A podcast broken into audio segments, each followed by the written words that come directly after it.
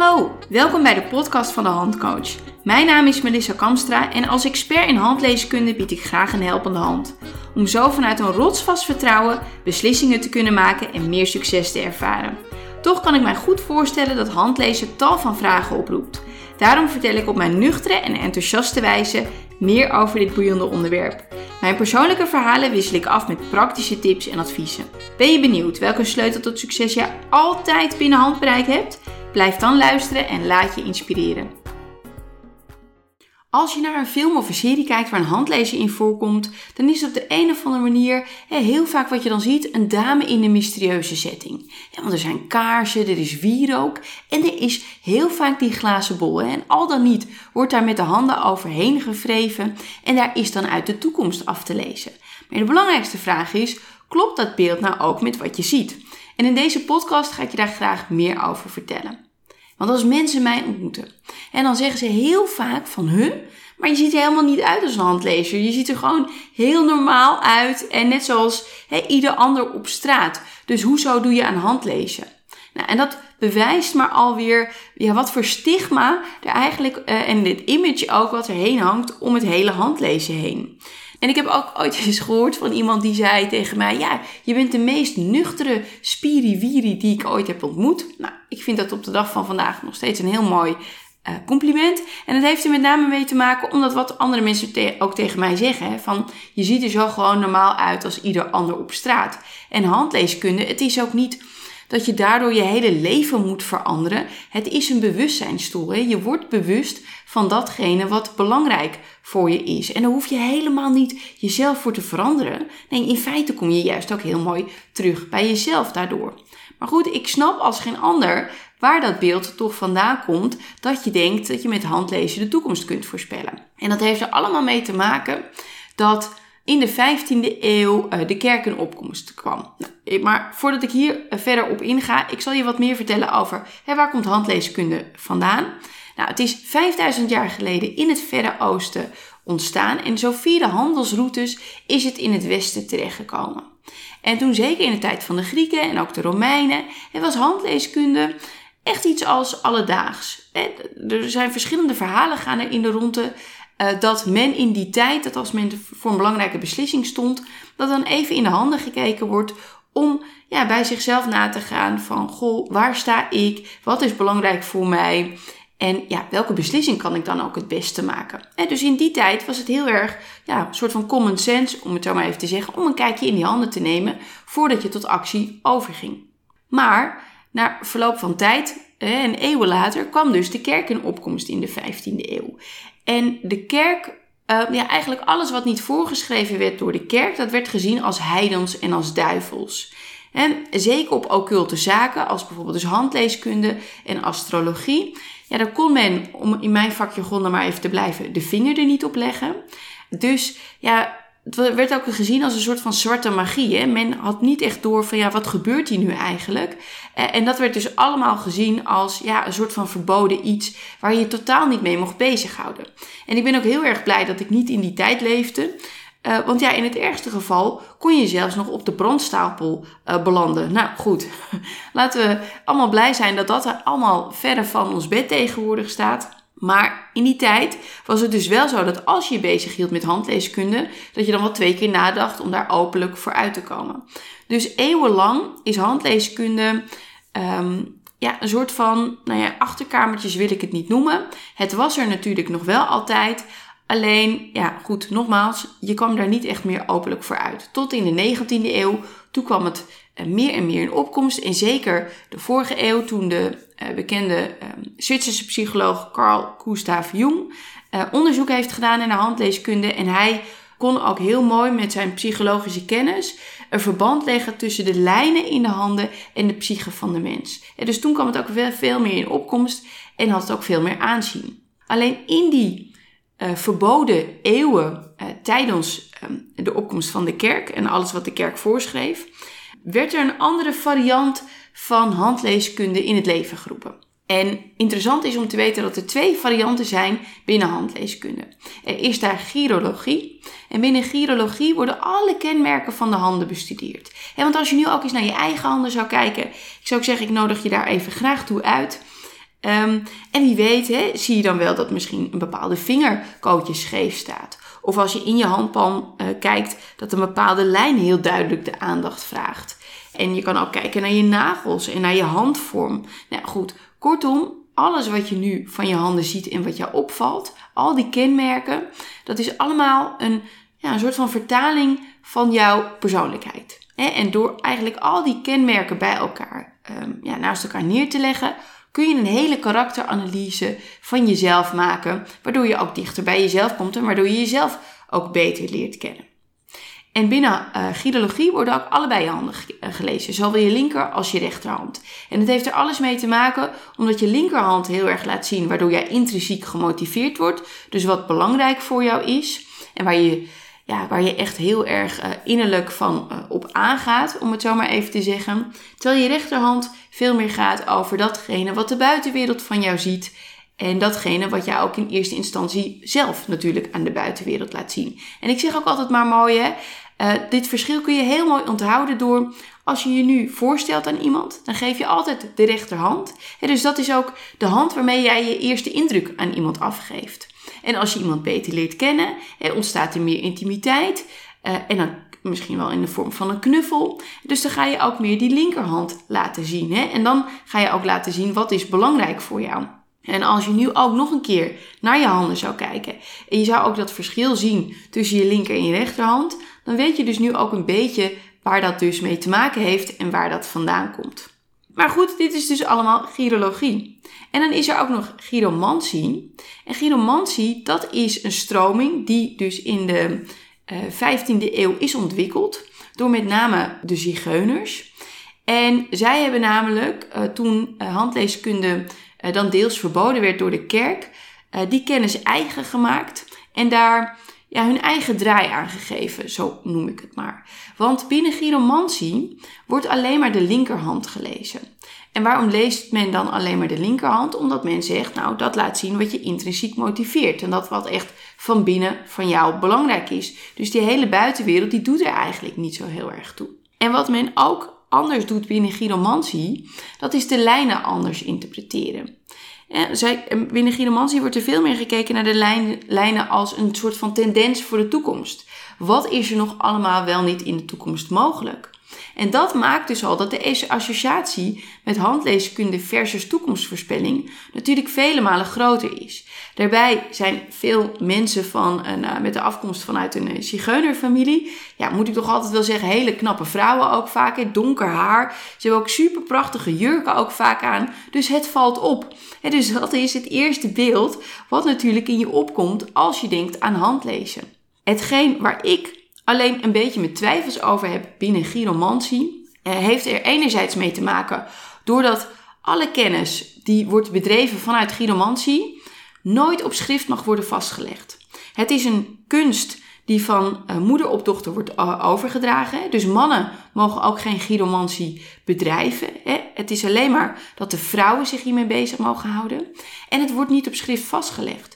Dus voor mij is het ook helemaal niet om mezelf in te mogen lezen op waar de kennis dan op is gestoeld. Het is veel meer over interpretatie en ook gevoelszaken. Wat voelt iemand erbij? En dat is natuurlijk een heel mooi iets als je heel erg intuïtief bent. Maar het gaat er in die zin, en voor mijn gevoel, niet zo heel erg over wat een ander voelt bij bepaalde lijnen of tekens in de handen. Het gaat er allemaal om wat diegene voelt waar het om gaat.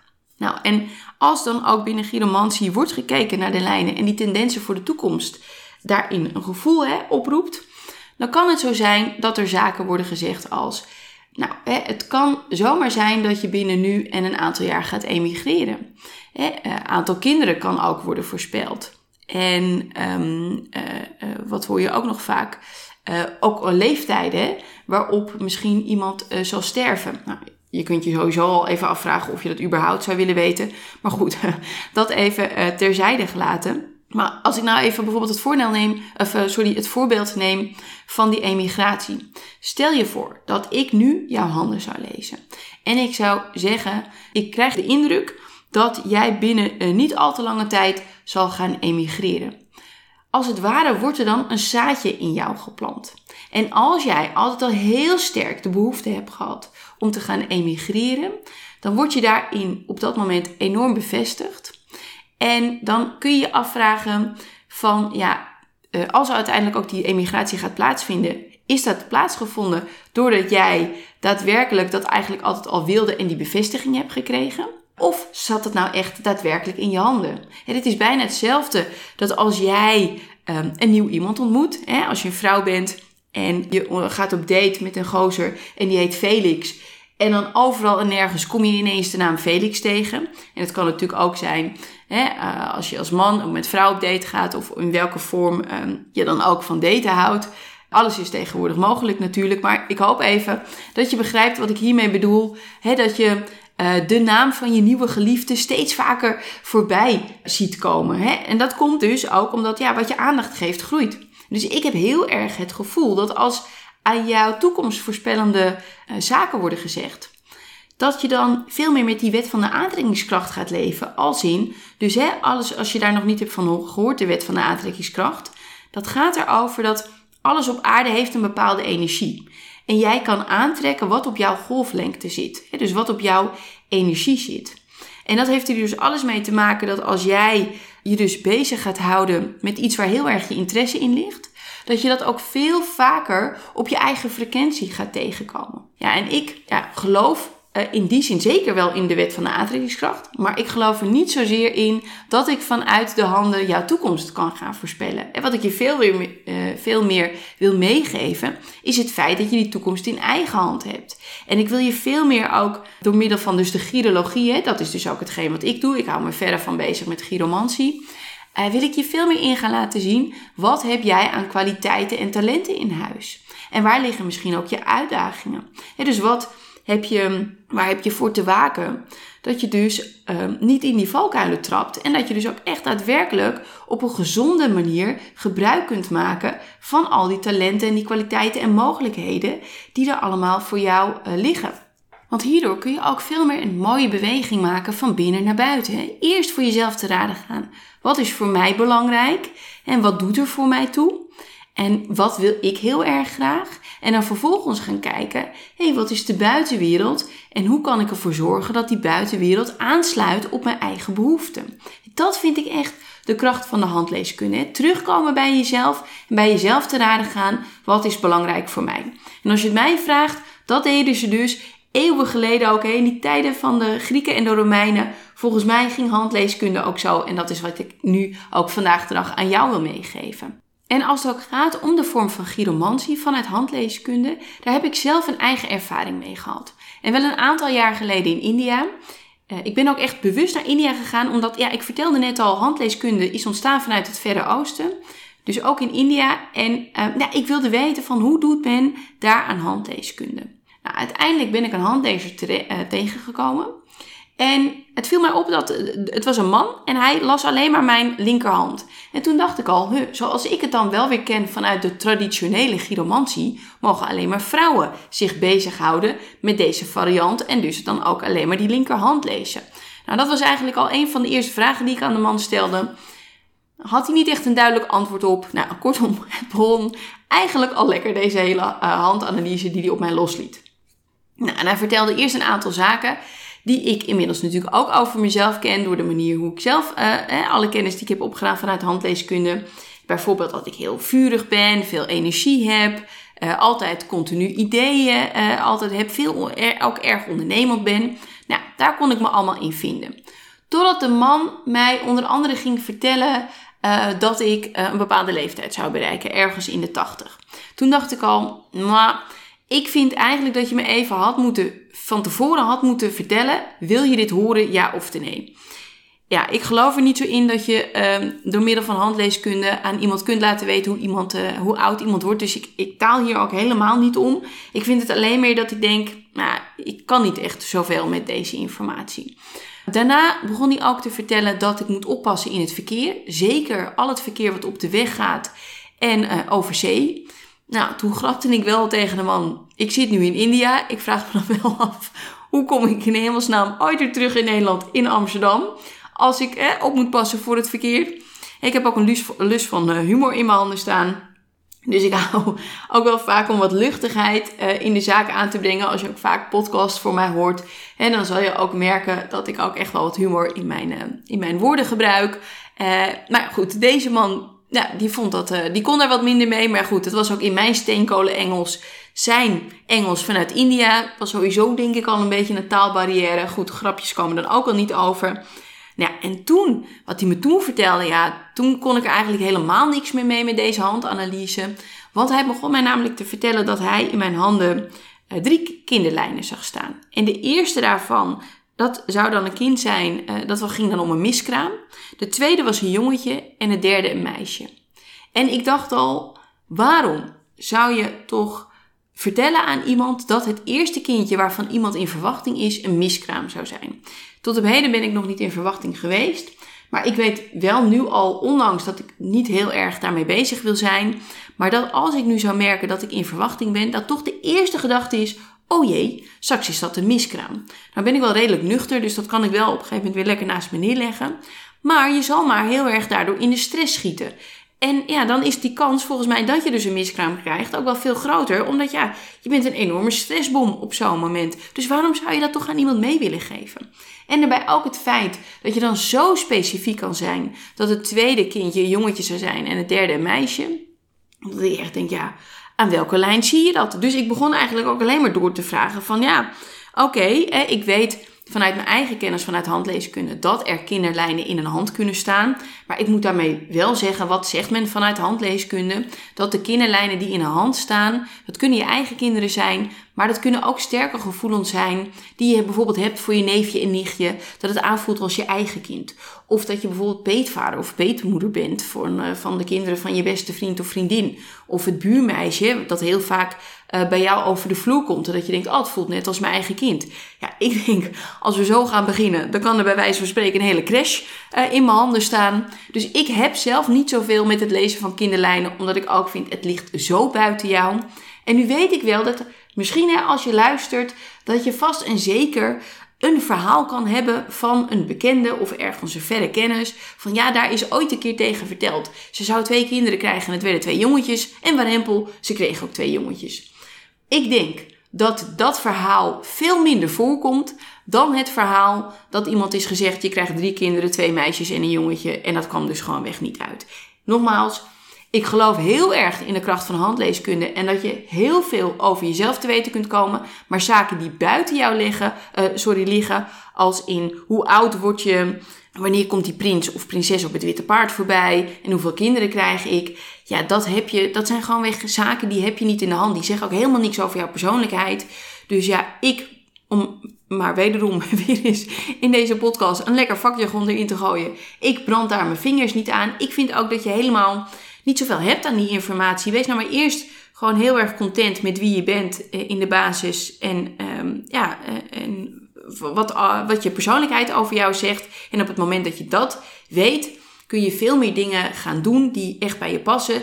En wie weet, komt daar dan wel uh, daardoor die prins op het witte paard voorbij, of prinses natuurlijk.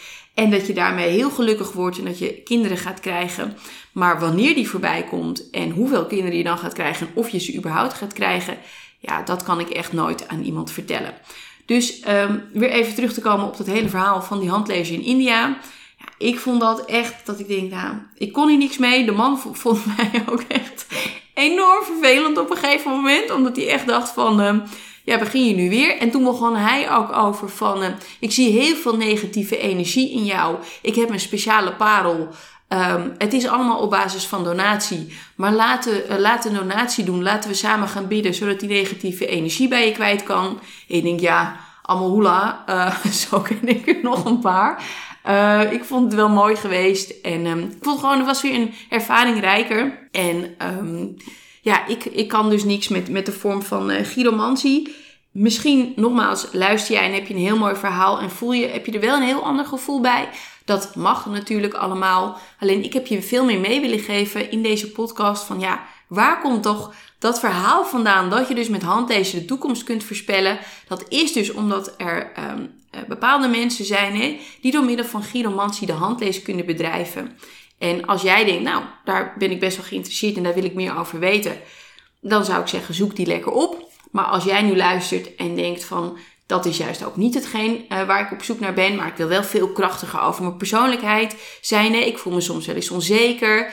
En ik weet niet zo goed welke kant ik op kan. Nou, dan nodig ik je echt van harte uit. Kom eens langs in mijn praktijk. Hè? Uh, laten we samen naar je handen gaan kijken. Um, ik wil met liefde je handen analyseren. En ook echt zo een liefdevolle schop onder je kont geven. In die zin van hè, om jou in te laten zien waar jij je allemaal nog niet bewust van bent. Van al die kwaliteiten en die mogelijkheden. Het zit zo in je. En op het moment dat ik je dat mee kan geven, ja. Ja, ik heb al zoveel mensen zoveel groter zien worden dan ze van zichzelf van tevoren dachten. Nadat ze dus hun hand hadden laten lezen, omdat ze zich bewust werden van: oh, dit ben ik. En ik hoef ook alleen maar naar mijn handen te kijken om er elke keer bewust van te worden. Ja, en ik vind dat gewoon iets geweldigs. Dus ben van harte welkom en ik zou sowieso zeggen, uh, luister naar een volgende podcast waarin ik nog veel meer aan je wil laten weten over de kracht van handleeskunde. Dank voor het luisteren naar weer een nieuwe aflevering van de podcast van de Handcoach. De podcast die jou laat inzien welke sleutel tot succes jij altijd binnen handbereik hebt. Vond je deze podcast waardevol? Laat dan een review achter in de podcast app. Of deel jouw ervaring en inzicht op social media. Vergeet er niet de handcoach te taggen, zodat ik lekker kan meegenieten. Graag tot snel bij een volgende aflevering.